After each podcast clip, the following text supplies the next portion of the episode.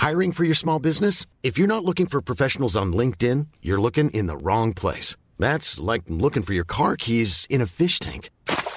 LinkedIn helps you hire professionals you can't find anywhere else, even those who aren't actively searching for a new job but might be open to the perfect role. In a given month, over 70% of LinkedIn users don't even visit other leading job sites. So start looking in the right place. With LinkedIn, you can hire professionals like a professional. Post your free job on linkedin.com slash spoken today. Hey, I'm Ryan Reynolds. Recently, I asked Mint Mobile's legal team if big wireless companies are allowed to raise prices due to inflation. They said yes. And then when I asked if raising prices technically violates those onerous two-year contracts, they said, what the f*** are you talking about, you insane Hollywood ass?"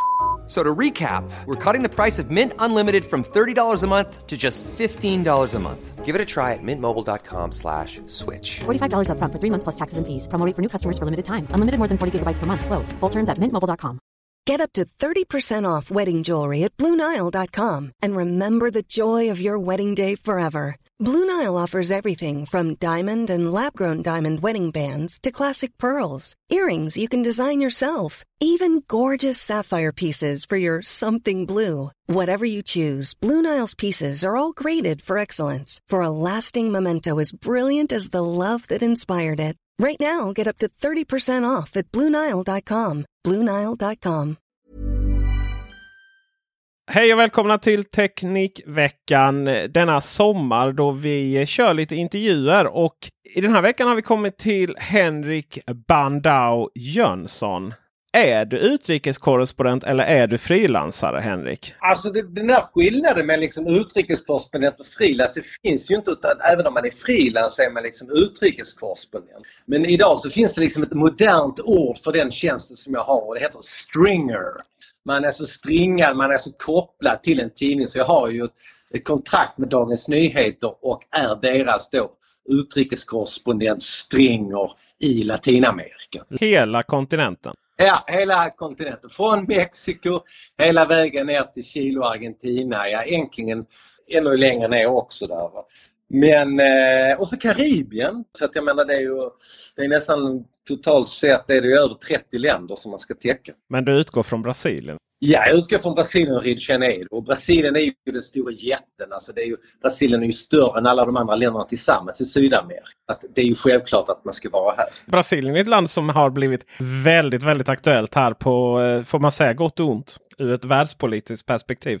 Ja, vi fick ju den här eh, tropiska Trump, Eh, Bolsonaro. Och han ställer ju till det för oss här och ställer till det för världen i och med att han vill ju skövla hela Amazonas. Så att Brasilien, om det har varit lite i skymundan tidigare så är det inte det längre utan nu måste liksom folk lära känna Brasilien. Svenskar är väldigt duktiga på USA men nu måste de lära sig Brasilien också. 27 delstater, 210 miljoner invånare och väldigt stora skillnader då mellan liksom det finns urfolk i norr och så finns det liksom tyska nybyggare i söder. Världens femte största land både till befolkningsyta och eh, antal människor va? Precis, det, det, det är där vi är. Det, det, är ett stort land som då nu styrs av en snubbe som vill stänga högsta domstolen, vill stänga kongressen. Alltså nu, Trump är ju väldigt sansad om man jämför med Bolsonaro. Eh, och där någonstans har du kommit och blivit eh, jätteaktuell i din yrkesroll. Då. Men om vi spolar tillbaka bandet lite. Hur hamnade du i Brasilien från första början? Jag bodde i Lissabon en sommar. Jag jobbade på världsutställningen 98, 1998 då i Lissabon och jobbade som pressassistent för UD och då lärde jag mig portugisiska. Och lärde känna en massa folk som kom från de här portugisisktalande länderna. Angola, Mozambique och Brasilien. Efter att jag hade bott i Lisbon, nej, jag tänkte jag måste åka till, eh, till Brasilien. Reportage. Jag var ju redan journalist. Jag hade ju liksom jobbat på Expressen i många år på Sydsvenskan. Eh, och så var det ju ingen svensk journalist som täckte Brasilien. Så att jag tänkte att ja, jag åker dit och gör lite frilansreportage. Så jag gjorde det i några år. Så där hade liksom Brasilien som mitt lilla projekt. Och sen eh, blev jag förälskad i en kvinna här och stannade kvar. Och det tajmades just då när Lula, Lula da Silva vann valet 2002. Och Brasilien blev väldigt inne, väldigt många som diskuterade Brasilien. För Brasilien har alltid varit landet som aldrig riktigt fått ordning på saker och ting. Men med Lula så trodde folk att nu kommer det bli ordning. Jag fick ju jobb direkt då från en massa svenska och danska och andra tidningar och sånt. Så att jag, jag flyttade hit. Så jag har bott där snart i nästan i 20 år. Kanske den viktigaste frågan som jag ställer i den här podden. Är Morgan Paulsson och Hipp Hipp roligt om man är i din position? ja men det är väl klart det är liksom. Jag menar, vi korre är ju lite här liksom. Va? Var är jag någonstans nu? Oh, nu är jag detta här. Alltså, det är klart, den, den är, han är totalt giltig. Alltså. Han är det. Vad bra. Det är lite det vi ska prata om. Eh, vi ska prata om hur du jobbar. Vi ska prata om eh, Brasilien framförallt eh, tekniskt perspektiv. Och eh, vi ska också prata också lite om en bok som du har släppt. Men vi börjar lite så här eh, tekniskt. Kommer du ihåg att du har köpt en dator av mig? Ja men absolut, herregud. Du har räddat mig många gånger med dina kunskaper. För det jag minns så väl då var nämligen det att eh, du, det var liksom problem med tekniken på grund av vädret. Så det låter ju tokigt men så fort det regnar och eh, så funkar inte internet. Som tur var så regnar det inte så ofta här i Rio men det regnar ändå. Idag regnar det faktiskt. Och då är det så liksom, de har så dåliga kontakter så bara liksom, det kommer mitt lilla vatten och så blir det kortslutning i någon, i någon koppling någonstans och så det kommer liksom inte signalen in till huset. Så ligger internet nere och alla accepterar det. Typ, jag fick inte tag på det. Nej, det regnade. Aha, regnade det liksom? Det är totalt liksom acceptabelt. Det har man alltid något att skylla på. Ja men precis och jag liksom försöker förklara för dem, ja men tänk då på den här stackars staden Limerick i Irland där det regnar 350 dagar om året. Då har de nästan ingen internet alls. Men det har de ju. Alltså, det handlar ju inte om regnet utan det handlar om att de vill inte isolera sina kablar. De vill inte köpa den rätta utrustningen. De får visst pengar av staten till att köpa utrustning eller, eller av investerare. Men så är det den här satans korruptionen och det är ju så att de får de här pengarna så ska de köpa den bästa utrustningen så köper de den näst bästa. Men på papper så skrivs det ändå som att de köper den bästa och så delar köparen och säljaren på det som blir över. Och det är den absolut vanligaste korruptionen i Brasilien. Det, på papper står det att de köper den finaste, bästa utrustningen men det som verkligen levereras är det mediokra, det halvdana, det dåliga, det inte isolerade, det inte vattentäta. Och då mellanskillnaden där så delar köparen och säljarna. Så det är liksom inte bara brassar som är korrupta, det är även liksom utlänningar som säljer saker till Brasilien. De är också okej, okay, de går med på de här dealarna. Liksom. Och det gör att vi får alltid det, det sämsta här. Liksom. Och sen, sen så, så, säger inte folk ifrån heller. Det är det som gör mig så vansinnig. Men herregud, kräv av, av din eh, provider att du får bra teknik för vi betalar ju mer för internet och telefoni i Brasilien än vad ni gör i Sverige. Och medellönen här för en brasilianare ligger typ på 6 000 kronor i månaden. Medellönen i Sverige måste väl vara över 20 någonting. Alltså det är surt. Tänker el och sådana saker. Kortslutning är ju Väldigt tråkigt. Det har väl blivit bättre med elen men om vi tittar på alla de här bränderna som inträffar i Brasilien. Du vet Nationalmuseet brann ju ner för två år sedan. Annat stort museum i Sao Paulo har brunnit ner. Och det är ju dåliga kopplingar och det handlar inte, alltså det är inte elen som är dålig utan det är elektrikerna. Så här så anlitar man ju hellre någon som känner någon som känner någon som känner någon. Det är väldigt få elbolag som du kontrakterar och även liksom det här elbolaget vi har i, i Rio det är totalt genomkorrupt.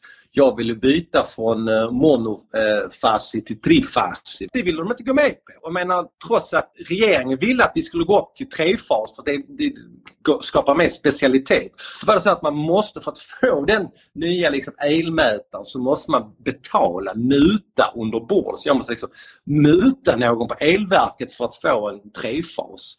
Eh, och det tog mig så lång tid att fatta det där. Så att, ja, men herregud, ska du ha de här pengarna? Så jag till elektriker som fixa det. Ja, jag måste betala dem för att släppa detta här. Så att, och jag har ju lite pengar så att jag kan betala det men den som inte har de pengarna, nej, då, då fortsätter han med sin, sin monofas, sin enfas. Och då blir det ju kortslutning hela tiden. Så att det är dålig teknik och korruption som ligger bakom de flesta olyckorna. Tufft att ladda sin Tesla där kan man ju säga ja, det kan man ju säga. Kanske i Sao Paulo funkar sånt för Sao Paulo är liksom det stora undantaget Brasilien. Där bor 22 miljoner invånare. Och där funkar saker. Där har man liksom inte riktigt tillåtit korruptionen att ta över. Men i Rio det är ju tyvärr en genomkorrumperad stad. Det var inte Rio, är inte det liksom eh, Brasiliens eh, stora fasad mot världen när det kommer till turister och så? Jo, jo Rio är ju det här fina vykortet. Va? Det är liksom det, man säljer in Brasilien. Eh, och det är ju väldigt vackert. Det är liksom, nu under pandemin så har det varit helt otroligt för att det är så lite avgaser, så lite folk som kör och vattnet är kristallrent och inga avgaser, helt underbart. Men om du då ska bo här och du ska liksom skaffa internet och ska skapa mobiltelefoni och el sånt där, då får du problem. För det funkar fortfarande inte utan det är fortfarande styrt av en liten maffia. Det finns en liten aircondition maffia, det finns lite maffia för elen, allting. Det är lite som, tänk dig Napoli. Alltså, det, det, är inte riktigt, det funkar inte. Medan då i Sao Paulo där jobbar man, där är det liksom ordning och reda. Man tillåter inte de här liksom maffiorna att bildas. Dels också för att staden är större.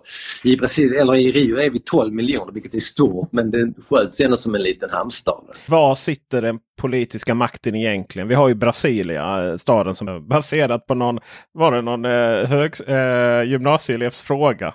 Jo precis, jag, min första bok Fantasia handlar ju om det och det var ju ingen gymnasieelev men det var på ett valmöte. Så var det en snubbe som sa ja men den här från Brasilien har alltid haft en dröm att flytta sin huvudstad från, från kusten för man, man, historiskt sett har, har världen aldrig velat ha, länder har aldrig velat ha sina huvudstäder vid kusten för då kan de bli erövrade av skepp och sånt där. Det är bara Skandinavien som, som har huvudstäder vid kusten. Ingen har velat invadera oss.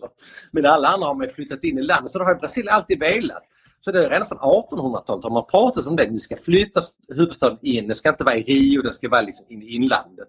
Och helt plötsligt på en valkampanj 1955 så är det en snubbe, liksom, 20-årig snubbe som frågar Men du herr presidentkandidat, eh, ska du förverkliga drömmen att flytta, eh, flytta huvudstaden in i, i landet? Så. Och han liksom bara tittar runt sådär. Ja, det ska vi. och så fick jag liksom sin, den fråga som gjorde att han blev vald och som gjorde att Brasilia byggdes mitt på savannen som en helt fantastisk stad att totalt planera. Det är som att resa runt i ett arkitektmuseum. Eh, det är ju inte, inga faveller och sånt där. Det är väldigt prydligt och, och rikt och sånt där och, och konstigt då. Men jag blev så fascinerad så jag skrev faktiskt en hel bok om den. Eh, behöver man muta det lokala elbolaget där eller bor folk ens där? Eller? Ja, alltså de som bor i Brasilien de tillhör ju administrationen. Alltså det är egentligen bara 300 000 personer. Egentligen, Brasilien är egentligen inte större. Än. Och de tjänar ungefär typ 80 000 kronor i månaden. Liksom mellan 50 och 80 000 i månaden. Så de har väldigt, väldigt mycket pengar så att de kan liksom anlita riktiga dyra elektriker och sånt där. Saker och ting fungerar där. Sen är då utanför Brasilien, det går liksom ett bälte på 20 kilometer där ingenting får byggas. Där ligger då favellerna. Och favellerna där är ju liksom, det är sandgator, det är riktigt farligt, det är fult. Alltså favellerna i Rio kan ju vara charmiga på ett visst sätt. De är målade, de, de klättrar på kullarna. Favellerna i Brasilia är inte mysiga. Det är liksom bara ett täcke av enplans skjul men det är inga träskjular som är byggda i betong och cement och tegelstenar men det är väldigt dåligt med avlopp med el och annat. Alltså det är kiss och bajs på gatan och sånt. Ena stunden pratar man liksom om en femte största landet, en jätteekonomi, en hel, hel stad uppbyggd runt liksom administrationen och sen nästa andetag så utan el och sådär. Hur kan det vara på det sättet? Så man kan säga så att Brasilien är flera länder i ett land. Det, det, det är så stort så att man tillåter liksom att det finns en del i landet som inte inte blir, eh, tillåts bli rikare. Och det är inte bara så att liksom det finns en rik ett rikt söder och ett fattigt norr. Eller sånt där, utan också liksom i städerna så finns alltid fattiga delar och det är liksom att Brasilien, det glömmer vi ibland, det var ju världens största slavkoloni. Alltså USA tog emot jag var det 400 000 kidnappade afrikaner. Brasilien tog emot 5 miljoner. Alltså det är 12 gånger mer. Så att jag menar i, Brasilien eller i USA då är det kanske 12-13% svarta afro, alltså afroamerikaner. Men i Brasilien så är det 50 eller mer än 50 Och den här mentaliteten att man liksom när slaveriet upphörde 1888 som sista västland då, så har man liksom brassan ändå velat ha kvar det här systemet så att man trivs med att ha hela tiden en liten fattig underklass som man kan be om tjänster. Det handlar allt från att tvätta dina kläder till att eh, klippa dina naglar, ditt hår, till sexuella tjänster, till eh, köra bussarna. Så där man vill liksom ha den där underklassen, lite som i Sydafrika. Man vill ha en underklass som är svinbillig, som inte kan sina rättigheter, helst inte kan läsa, lära sig läsa och skriva. Så, så alla motarbetar detta här och då liksom när, när vänstern kom till makten med Lula för tio år sedan så försökte man ändra på detta här och man gav till och med hembiträde Eh, arbetsrätt. De, hade som inte, de omfattades inte av arbetsrätten tidigare utan de tvingades ju arbeta 60 timmar i veckan. Då blev ju den vita eliten svinförbannade för att hembiträdeslönen höjdes med 12 procent, de fick arbetsrätt, de fick bara jobba 44 timmar i veckan. Det ledde då till slut att Bolsonaro blev vald. Alltså Bolsonaro är den enda politikern i kongressen som röstade mot den här hembiträdeslagen. Han ville fortfarande att hembiträde ska vara liksom någon slags gåva till den vite mannen. Det finns liksom ett motstånd med att skapa ett rättvist samhälle och därför så är det så att du ena dagen kan sitta på den coolaste krogen i ditt liv, det mest moderna med det snabbaste wifi, boff! Och sen liksom bara 20 minuter därifrån är du liksom tillbaka i eh, ja, 1920-tal. Vad definierar en favela? Då när man släppte slavarna fria så gav man inte dem arbete och sånt där utan de fick liksom överleva själva. Så I Rio då så klättrade de upp på kullarna för ingen vågar ju bygga på kullarna så där satte de sina hus. Och sen då när industrialiseringen kom igång i Brasilien på 50-talet om man börjar liksom bygga Copacabana eller de här flåda husen så blev det de svarta som blev byggnadsarbetare. Och de fixade då liksom murbruk och tegelstenar och sånt där från sin arbetsplats och började då bygga sina skjul, alltså med riktig cement på de här kullarna. Så det uppstod liksom av något sånt där, ja vi skiter i er, ni får själva sköta Så det var liksom från början var det kojor. Alltså, okej, okay, låt dem bygga där. Alltså, det finns en strand här i Rio som heter Lemmi. Och då byggde de liksom typ eh, 20-tal jättefina fastigheter längs med stranden. Och just bakom, ja, där finns det då en favela där de bodde som byggde de här kåkarna. Det här såg man redan på 60-talet. Herregud, vi har massa kojor som växer, massa städer inom staden som växer. Det här måste vi göra någonting åt. Nej, det gjorde man inte utan man tillät de här gettorna och det var ju militärdiktatur då i Brasilien så de tyckte det var bra. Okej, vi håller de fattiga där borta så bygger vi murar runt omkring. Så definitionen av favelan är att eh, det är hemmabygge utan eh, arkitekthjälp, ingenjörhjälp, utan tillstånd från kommunen, utan draget vatten, el. Man får själv liksom fixa det och förvånansvärt många faveller har ju vatten idag och fixat avlopp på olika sätt och sånt där. Det är klart det luktar ibland när du går in i vissa faveller men de har ju internet. Det är klart, eh, det är kanske inte så jättebra men, eh, och de har kabel-tv och så här. Men det är just hemmabygge, det är ju ingenting, inget alls organiserat så statligt. Hur får man värme? Behövs värme? Värme får vi ju gratis i Brasilien tack och lov. Det är ju aircondition och det, är för, det går via elen då. Va? Så att i, när sommaren kommer här typ i december, januari och folk sätter på sina aircondition-aggregat och det poff! Då blir det liksom blackout. Då blir det liksom eh, kortslutningar i hela landet. Och det kan vara kortslutningar i, i, i en stadsdel och sånt där. Va? Men det är liksom, det finns ju sådana peak just när, liksom, när vi har 40 grader i Rio då, och alla sätter på sina aggregat. Då, då smäller säkringarna. Där. Jag antar att det är liksom hög eh, dödlighet på de här osäkra elledningarna. Vi var ute och gick i förrgår. Det regnade inte då men då gick vi på liksom, trottoar. Det hängde lite, liksom, lite sladdar ner från elledningen. Det här var ändå liksom ett fint medelklassområde i Brasilien och liksom, då blir man ju rädd alltså, för att de sladdarna kan vara liksom kopplade till någonting eller har varit kopplade till någonting fortfarande ström i dem. Så när det regnar så det är alltid några dödsfall av någon som får el i sig på grund av det är någon, någon eh, sladd som hänger lös med el i sig som når vattnet. Där, så att, och det är liksom sånt som egentligen går att undvika men Brasilien tar inte riktigt de här sakerna på allvar tyvärr. Det känns lite som att få en beskrivning av liksom att det finns zoner då från rika i olika städer. Alltså hur tar man sig mellan olika, alltså Sao Paulo och Rio? Det är bara typ 36 mil mellan varandra. Det är liksom två av världens största städer som är så oerhört olika varandra och ändå ligger så nära varandra. Och det har att göra med att eh, Sao Paulo befolkas liksom av tyskar och engelsmän, italienare. Eh, de använde en annan hamnstad, Santos, och till Rio kom man till Rio och det var portugiser och afrikaner. Och där har man ju alltid åkt tåg emellan för det är bara 36 mil. Liksom. Det blir 22 miljoner i ena staden, 12 miljoner i andra. Du har liksom nästan 40 miljoner människor i ett område. Det är klart man ska ha ett höghastighetståg där.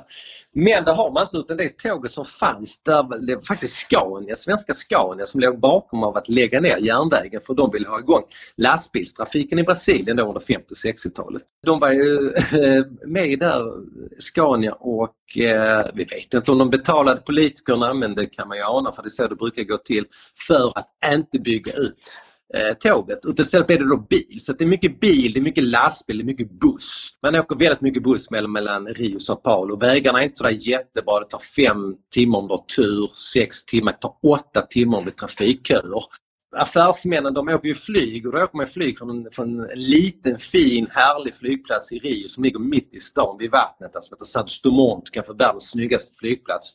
Poff och så är du i Sao Paulo på under en timme. Så landar du också i Sao Paulo på en liten sån här cityflygplats. Och det är så oerhört populärt att i Sao Paulo är lite fult sådär. Men det är där pengarna är. Så folk vill ju bo i Rio där det är vackert och jobba i Sao Paulo. Så att det har blivit liksom världens dyraste flygsträcka, de här 36 milen. Du kan betala ibland när det är slutsålt, alltså typ, alltså med få platser kvar, typ 8000 kronor för, för en enkel biljett. Har du tur och köper i förväg kan du få den för 500 kronor. Va? Men och det är faktiskt är det världens tredje mest trafikerade flygsträcka. Det finns en linje i eh, Korea som är mer och en i Japan. Sen är det denna Rio Sao Paulo som är världens tredje mest eh, trafikerade. Alltså mer än London, eh, Paris, mer än New York, Washington, mer än allting annat i USA. Det är liksom skönheten i odjuret de här städerna och de behöver man. Det är som att flyga mellan Malmö och Göteborg då ja. Lite längre men eh, det är väldigt nära så det borde ju finnas ett högt hastighetståg. Men det, det går inte, och också på grund av korruptionen. För där, när då liksom vänsterregeringen lade fram att de tog in offerter på eh, bolag som ville bygga den här hög, eh, tåg, vet högtrafiktågssträckan. Då var det liksom ett bolag som bildades just bara för detta som aldrig tidigare hade byggt någonting och det visade sig att det var ett gäng politiker som låg bakom. Det vill säga det skulle bli något som aldrig har gjort, aldrig haft erfarenhet av det. De skulle bara sno alla pengarna. Så de fick ju lägga ner den här upphandlingen. Och de seriösa bolagen, alltså TGV, de franska, de kanadensiska, de tvekade lite för de vet att ska de till Brasilien så måste de betala, det blir dubbelt så dyrt. Eh, de måste betala alla politikerna för att vinna det här kontraktet så att de håller sig borta. Svenska Skanska har ju gått på många nitar i och för sig har de ju gärna betalat pengar också. Men de har faktiskt lämnat Brasilien nu på grund av att för att få en eh, statlig affär så måste du muta politikerna. Vilket ju i sin tur ger konsekvenser på andra marknader. Det vill säga att du blir svartlistad internationellt sett. Och det har ju då öppnat upp för en eh, väldans massa kinesiska bolag som nu är i Brasilien och bygger allting. Så nu från att vi har liksom fått dyr svensk teknik eller fransk teknik tidigare så får vi nu liksom kanske lite billigare kinesisk teknik som, som ju inte fungerar. Jag reser mycket i Afrika också. Om man tittar på Mosambik så är det ju det är ju kineserna som, som bygger allting där. Samma i Angola, det är kineserna som bygger. Och det blir dåliga vägar, dåliga broar, det rasar, det har sig. Men det är där Brasilien är för kineserna har ju inga problem med det här med, med att betala politiker för det. Är liksom det, det är ju den, finns i deras kultur också att man nu måste vi betala den här makthavaren för att få det här kontraktet. Det är liksom inte korruption. Det är liksom ingen Kina som sparkar någon för att Haha, du betalade någon. Utan det är snarare att du delade inte med av korruptionspengarna. Då kan du få spark. Hur är det att verka i ett sånt här samhälle? Som, som svensk är det jag menar. Vi vågar ju inte ta på munskydd eh, om, om Folkhälsomyndigheten säger det. Nej men alltså det är, det är bara galningar som överlever här. Alltså, så att jag är ju galen. Alltså, annars hade alla friska människor sticker ju. Va?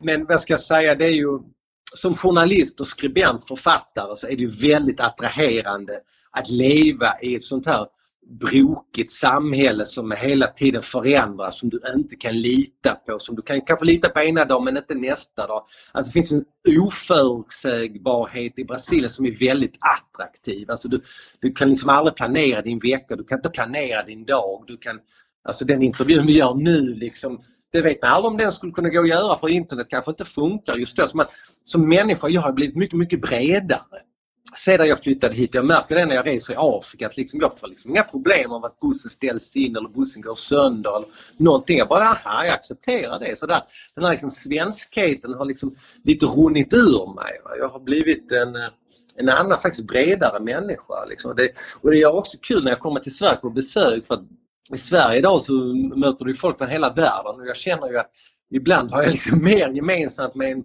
med en syrier eh, i min inställning än med, en svensk. För att vi, liksom, vi, vi kommer från kaoset. Vi har liksom lärt oss att leva i ett kaos. Och, och det, det, är ju, det är ju lättare om man lever i ett kaos och flyttar till ett land som det är ordning och reda i än att man kommer från ett land med ordning och reda till ett land i kaos.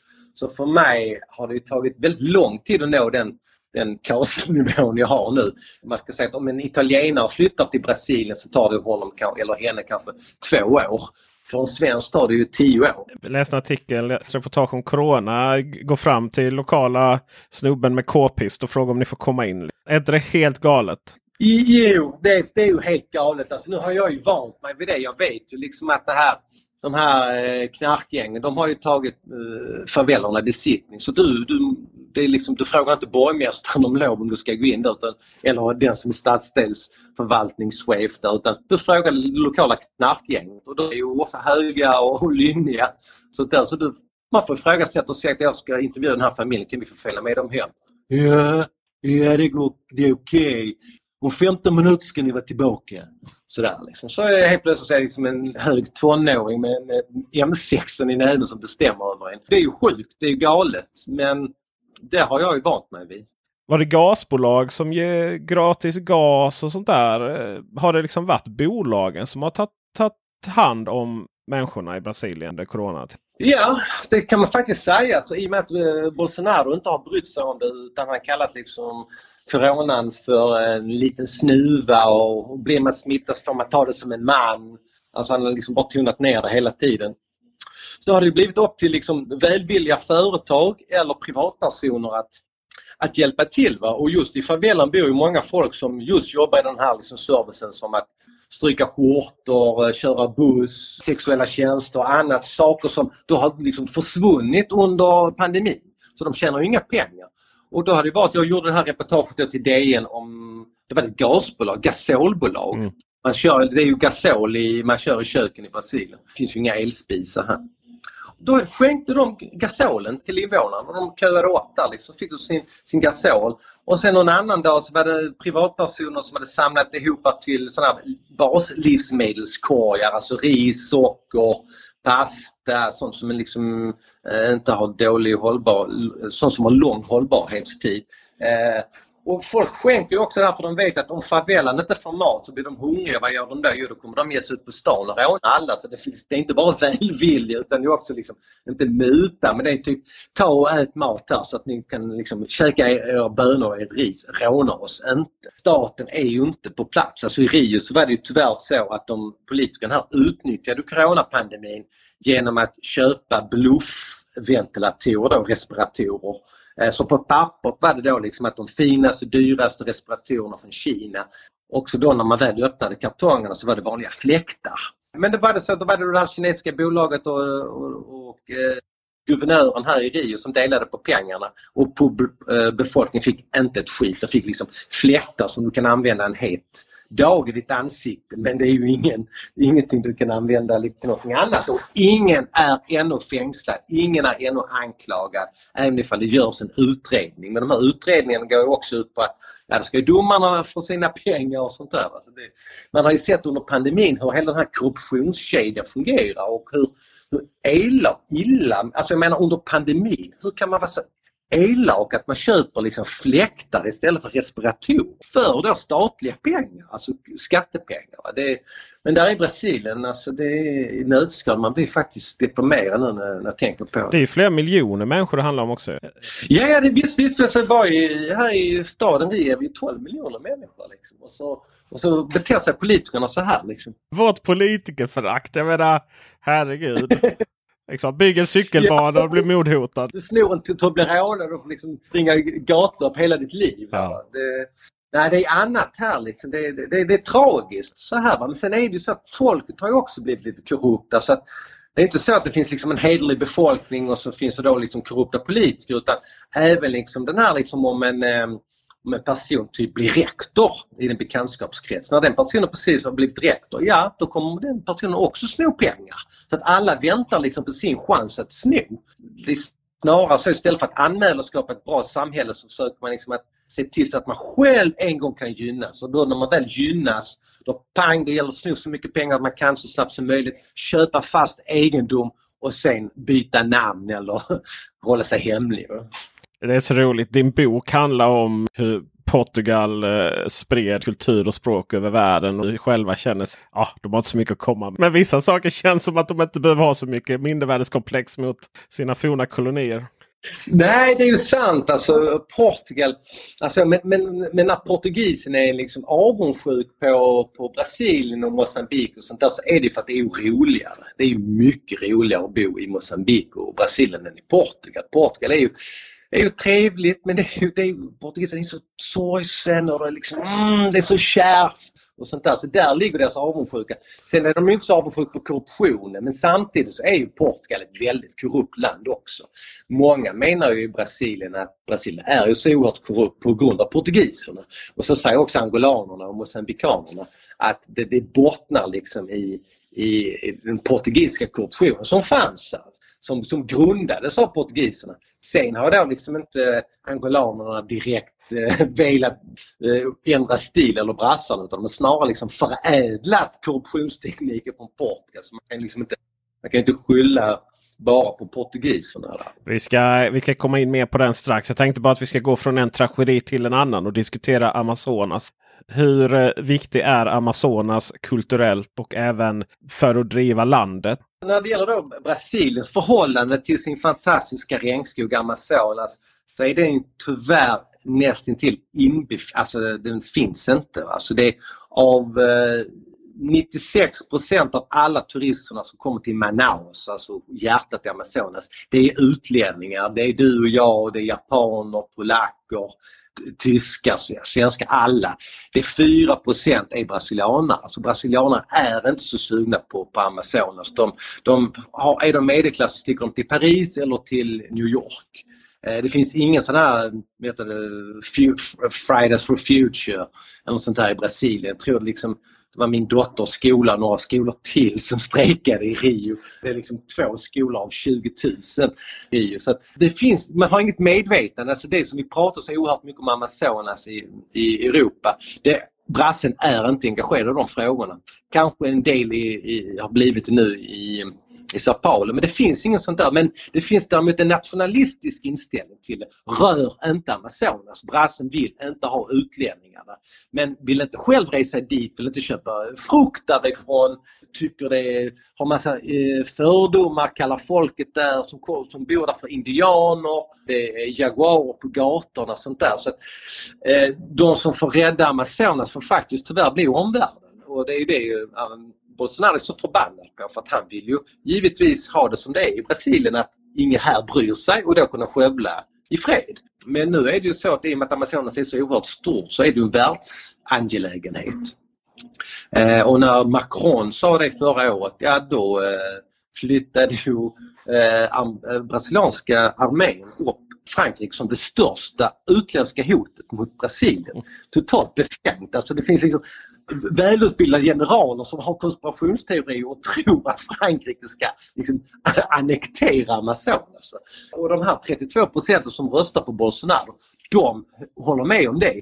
Och till och med en del från vänstern. Det finns en väldigt sån protektionistisk inställning till Amazonas. Rör det inte, rör det inte. Men de tillåter eh, skövlingen men de vill inte ha en utländsk NGO, en utländsk organisation, att de ska verka där. De vill helst inte ha Greenpeace där. Så att tyvärr så blir det så att det blir ju vi andra som får se till att eh, Amazonas räddas och det bästa sättet är att inte köpa kött från Brasilien och inte köpa, köpa sojabönor. Sojabönor finns i det mesta livsmedel så man får titta väldigt noga för att det är sojan och köttet enbart och så lite gruvor som skövlar Amazonas. Tar man bort det behovet så eh, finns det ingen anledning att skövla skogen. Här satt jag och tänkte på att det var en stor skogsindustri. Ja, det är, det är, men det är för att du kommer från Sverige. Va? För i Sverige så har vi den kopplingen till timret. Timret gav oss pengar. Det var det som byggde den svenska nationen.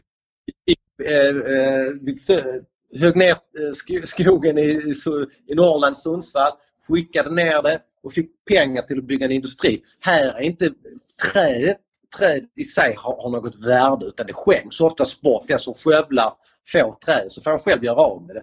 Och där finns kanske då två, tre mahognystockar och då kommer han ju bli miljonär. För jag menar mahognypriset det är liksom det är rena oxfilépriset. Men det är något som man vill ha iväg för att man vill skapa jordbruksmark. Det är jordbruksmarken som är det viktiga. Brasilien är ett av världens största livsmedelsproducenter. Och då är det så att man behöver mer jordbruksmark och billig jordbruksmark. För att den här marken i Amazonas, det är inte så att någon köper upp den utan man snor den från staten. Alltså snor det, det är alltså allmän mark som man går in och skövlar. På grund av att det inte finns poliser i närheten så skövlar man liksom ett stort område. Så, så när väl polisen kommer dit, ja, då mutar man dem och så har man redan liksom fällt träden och sått sojan eller sått det här gräset som oxarna betar på. Så att det finns liksom ingen sådär liksom, där svenska man tror att skogen har ett värde i sig. Nej, det är jordbruksmark man vill åt. Hur funkar den här skövlingen? Hur industriellt är det? Man kör med två bulldozers som man då tar på pråmar långt in i Amazonas för där finns ju inga vägar. Så man sätter två stora bulldozers på en pråm och så upp för floden och så binder man en kätting, alltså en kedja som är liksom stark, ja, nästan 20 cm diameter va? som är då kanske 30 meter lång mellan de här två bulldozerna och så vräker man ner, man bara kör och bara vräker ner träden. Och de som sitter där i de här bulldozerna, där är liksom, de är ju skyddade och sånt där. Och är det något starkt träd som är i vägen då får man ta det med motorsåg. Med motorsåg det kan ju ta flera timmar att få ner ett träd så att man försöker verkligen att vräka ner det. Och, och det kan också vara så att man kan ha en extra sån här, vad heter det, inte grävskopa men att en med skövel framför sig. Det är en typ bulldozer med en, skopa som man trycker ner liksom, med rötterna. Så det, det, ska gå så snabbt som möjligt och så fort man fått ner träden så låter man dem ligga på marken i två veckor så att de hinner torka. Solen går på och sen tuttar man fyr. Och det är det vi har mycket nu. Nu är det ju, eh, nu är det ju brandperiod. Nu brinner det uppe i Amazonas. Det är den här eldningsperioden nu under juli och augusti. Och då tuttar man fyr och sen när man tuttat fyr, ja då skövlar man undan träden och så sår man då oftast först betesmark då till oxarna och sen när oxarna fått så blir det sojabönor efter några år. Varför ska man så långt in? De vill ju vara i ytterkanterna men den, makten är, den marken är redan tagen. Alltså, nu, de tvingas ju längre och längre in. De vill ju vara så nära vattendragen som möjligt så att de kan få ut sina oxar på pråmar och få ut sina sojabönor. Så de måste vara nära vattendragen eller riksvägarna. Eh, nu byggs det ju, Bolsonaro bygger en hel del vägar nu i Amazonas. Men samtidigt så är det ju så att marken närmast eh, vägarna är upptaget så de måste längre och längre in och där är ju marken gratis och de kan skövla i lugn och ro. Så att därför går det in. Så det är, en process som har pågått i 20-30 år liksom, eller längre än det egentligen. Men det är bara det att den har accelererats nu för Brasilien tyvärr borde ju varit ett riktigt utvecklat teknikland. Jag menar Brasilien klöv ju atomer redan på 50-talet. Man har liksom haft en oerhört duktig forskningsteknik i Brasilien. Jag menar Embraer-planet är ju ett av, ett av världens mest sålda plan. Men de har inte utvecklat teknik utan istället så är det att Brasilien är ett råvaruland. Brasilien tjänar pengar på att sälja sojabönor och oxkött. Och det är pinsamt för att jag menar hade Brasilien utvecklat sin, sin teknik så de kunde sälja teknik. Men det är ju ingen som köper brasiliansk teknik idag. Den är ju urusel. Men det är för att den inte har utvecklats. Där. Samtidigt har man ju höga tullar på import. Ja, ja de är totalt protektionistiska. Alltså jag menar, jag skulle köpa en, en Mac nu till min dotter där eh, och den kostar liksom här, en vanlig Macbook Air i Brasilien med skatterna kostar 25 000 kronor eller mer än det. Och vi, vi i Sverige sura liksom på att vi får betala halva och tycker det är dyrt. Ja men precis, här är det 25 liksom. Så jag fick ju köpa en jävla Dell-PC. Nej! Jo, visst, så, Henrik Jönsson! Ja, men, ja men herregud, jag kunde inte, alltså hon behövde en data.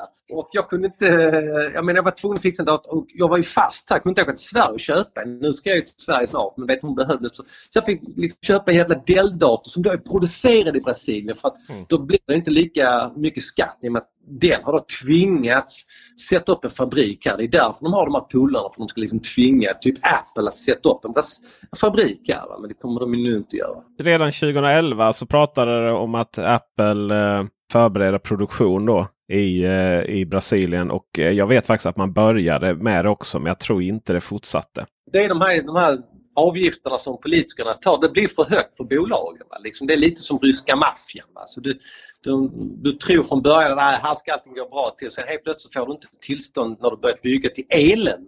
Aha, nej, för att jag behöver några miljoner för att ge dig tillstånd för elen.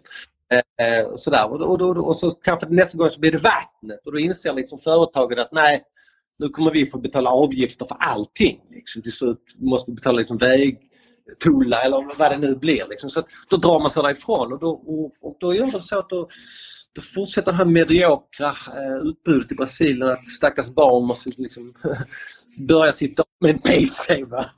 ja, det är inte okej. Okay. Nej, jag ska väl vara opartisk i den frågan.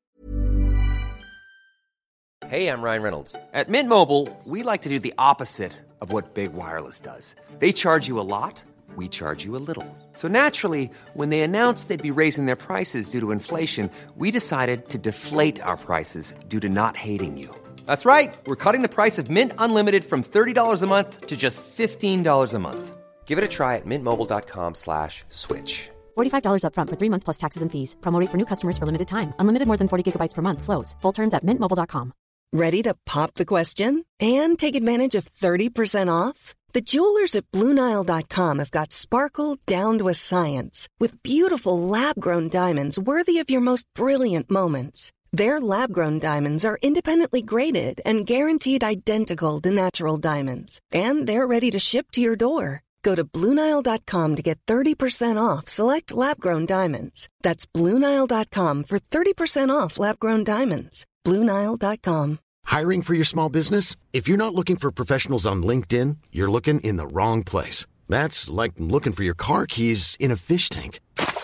LinkedIn helps you hire professionals you can't find anywhere else, even those who aren't actively searching for a new job but might be open to the perfect role. In a given month, over 70% of LinkedIn users don't even visit other leading job sites. So start looking in the right place. With LinkedIn, you can hire professionals like a professional. Post your free job on linkedin.com slash spoken today.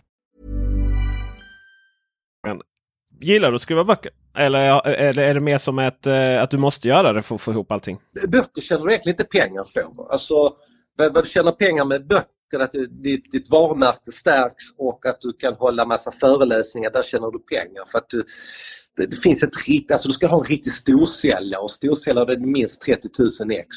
Då kan du rulla in lite pengar liksom. Min bok Gräset är alltid gröna i Brasilien som handlar liksom om brasiliansk fotbollskultur och släppta VM.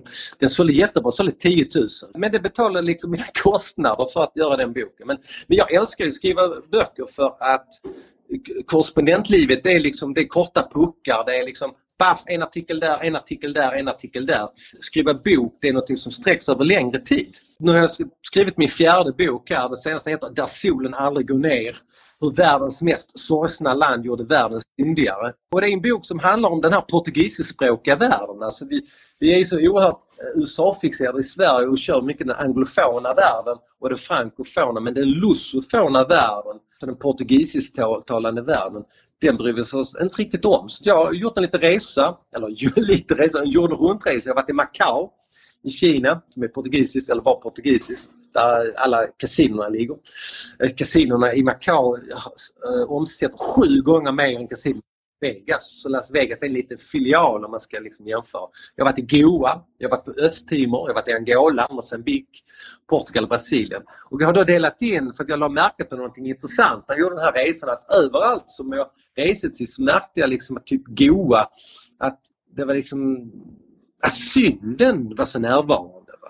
För portugiserna var lite syndiga när de väl liksom kom, kom hemifrån och reste ut sina upptäcktsresor så gjorde de allt det de inte riktigt fick göra hemma. De bara liksom söp och hade sig. Och än idag så är liksom Goa syndens näste i Indien. Alltså den enda delstaten där du kan få lyssna på fado-musik där, där två kvinnor kan gå ut och ta ett glas rödvin. Det är helt otänkbart i, i andra delstater. Och i Macao, det är samma sak där. I hela Kina är det absolut förbjudet att spela. Man får inte spela om pengar i Kina. Det är kommunistregimen som styr. Men i Macao får du. Det är det stora undantaget. Och man tittar liksom på i Mosambik som är grannland till Sydafrika. Sydafrika är väldigt sådär puritanskt och man får inte, vita får inte vara med svarta och sånt där. Men i Mosambik får man det. Som helgerna så går det liksom lämmeltåg med vita sydafrikaner som kör bil. Det är liksom bara från Johannesburg till Maputo. Det är, det är knappt 30 mil. Det är Malmö och Göteborg. Eh, kör de till helgen till Maputo och har svinkul. Tjejer och killar, män och kvinnor. Eh, så det har det blivit undantaget. Så att hela min bok har jag, jag kommit på att jaha, ah, men det här är ju, jag ska dela in den lusofona världen, den portugisiskspråkiga världen efter de sju dödssynderna. Så att det vi har gjort så eh, Goa är då frosseri, Macao är girighet, Bic är otukt och Brasilien då lättja, här tar vi lugnt. Och så då Portugal, där är det avundsjuka. Brasilien, eh, det stod ju inte för den största dekadensen utan lättjan. Men det, Brasilien är ju ett av världens största katolska länder. Det är världens största katolska land, ja. Hur ser man på, eh, jag tänker på internet och all den här hemskheterna som finns där? Man är ju inte egentligen teknikfientliga. Så de här liksom, pingstkyrkorna som nu växer väldigt starkt i Brasilien, nästan över 20% av befolkningen som tillhör någon pingstkyrka.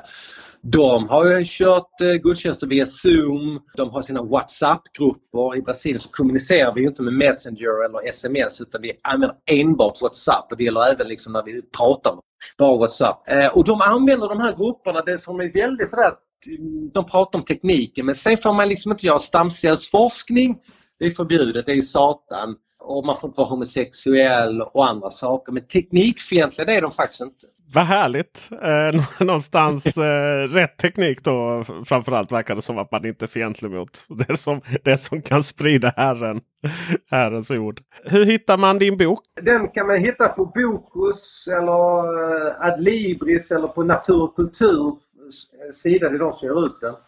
Och man, söker man på mitt namn Henrik Brandao Jönsson eller så söker man på titeln Där solen aldrig går ner. Och utav en händelse så har vi affiliate-länkar till just Bokus. Så vi kommer ju länka den givetvis också då. Ja, men härligt! Ja! En sista fråga. Har du någonsin misslyckats med ett uppdrag? Du har en artikel kvar och ska skicka in till DN men internet funkar inte.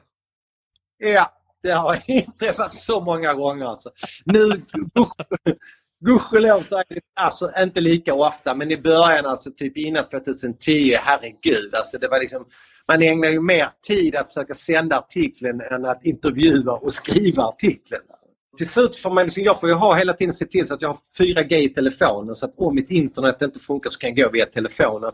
Jag har ett eh, internet i mitt hem, jag har ett internet i mitt kontor Funkar inte det ena internet så får jag cykla iväg till kontoret och sända där. Så jag har liksom backup och så har man alltid, man vet var ens polare finns någonstans med bra internet. Liksom både vet du, livrem och hängslen man måste ha hela tiden. Med det så, så tackar vi dig Henrik. Man har, det har, man har ju hört hur du har haft det med internet här. Det har varit vissa störningar som har kommit med här. Men det, det hör väl till lite charmen att intervjua dig från eh, Brasilien. Ja, nej, men så är det. Det är, det är charmen liksom med Brasilien som ibland inte är så väldigt charmig. At the UPS store, we know things can get busy this upcoming holiday. You can count on us to be open and ready to help with any packing and shipping or anything else you might need. Is there anything you can't do? Um, actually, I don't have a good singing voice. the UPS. Nope. But our certified packing experts can pack and ship just about anything. At least that's good. The UPS store. Be unstoppable. Most locations are independently owned. Product services, pricing, and hours of operation may vary. See Center for details. Come in today to get your holiday goodies there on time. ACAST powers the world's best podcasts. Here's a show that we recommend. The Real Housewives is a guilty pleasure for most, but if you're looking to not feel guilty about that pleasure, tune in to Everything Iconic with me, Danny Pellegrino, where I break down all the messy moments and behind the scenes antics of Bravo's popular franchise. And on Everything Iconic, I also interview celebrity guests like Kelly Ripa, Kiki Palmer, Drew Barrymore, Cameron Diaz, and more about their guilty pleasures, their past work, and so much more. So if you're pop culture obsessed and find yourself watching way too much reality TV like me, tune in to Everything Iconic with Danny Pellegrino wherever you listen to podcasts. ACAST helps creators launch, grow, and monetize their podcasts everywhere. ACAST.com.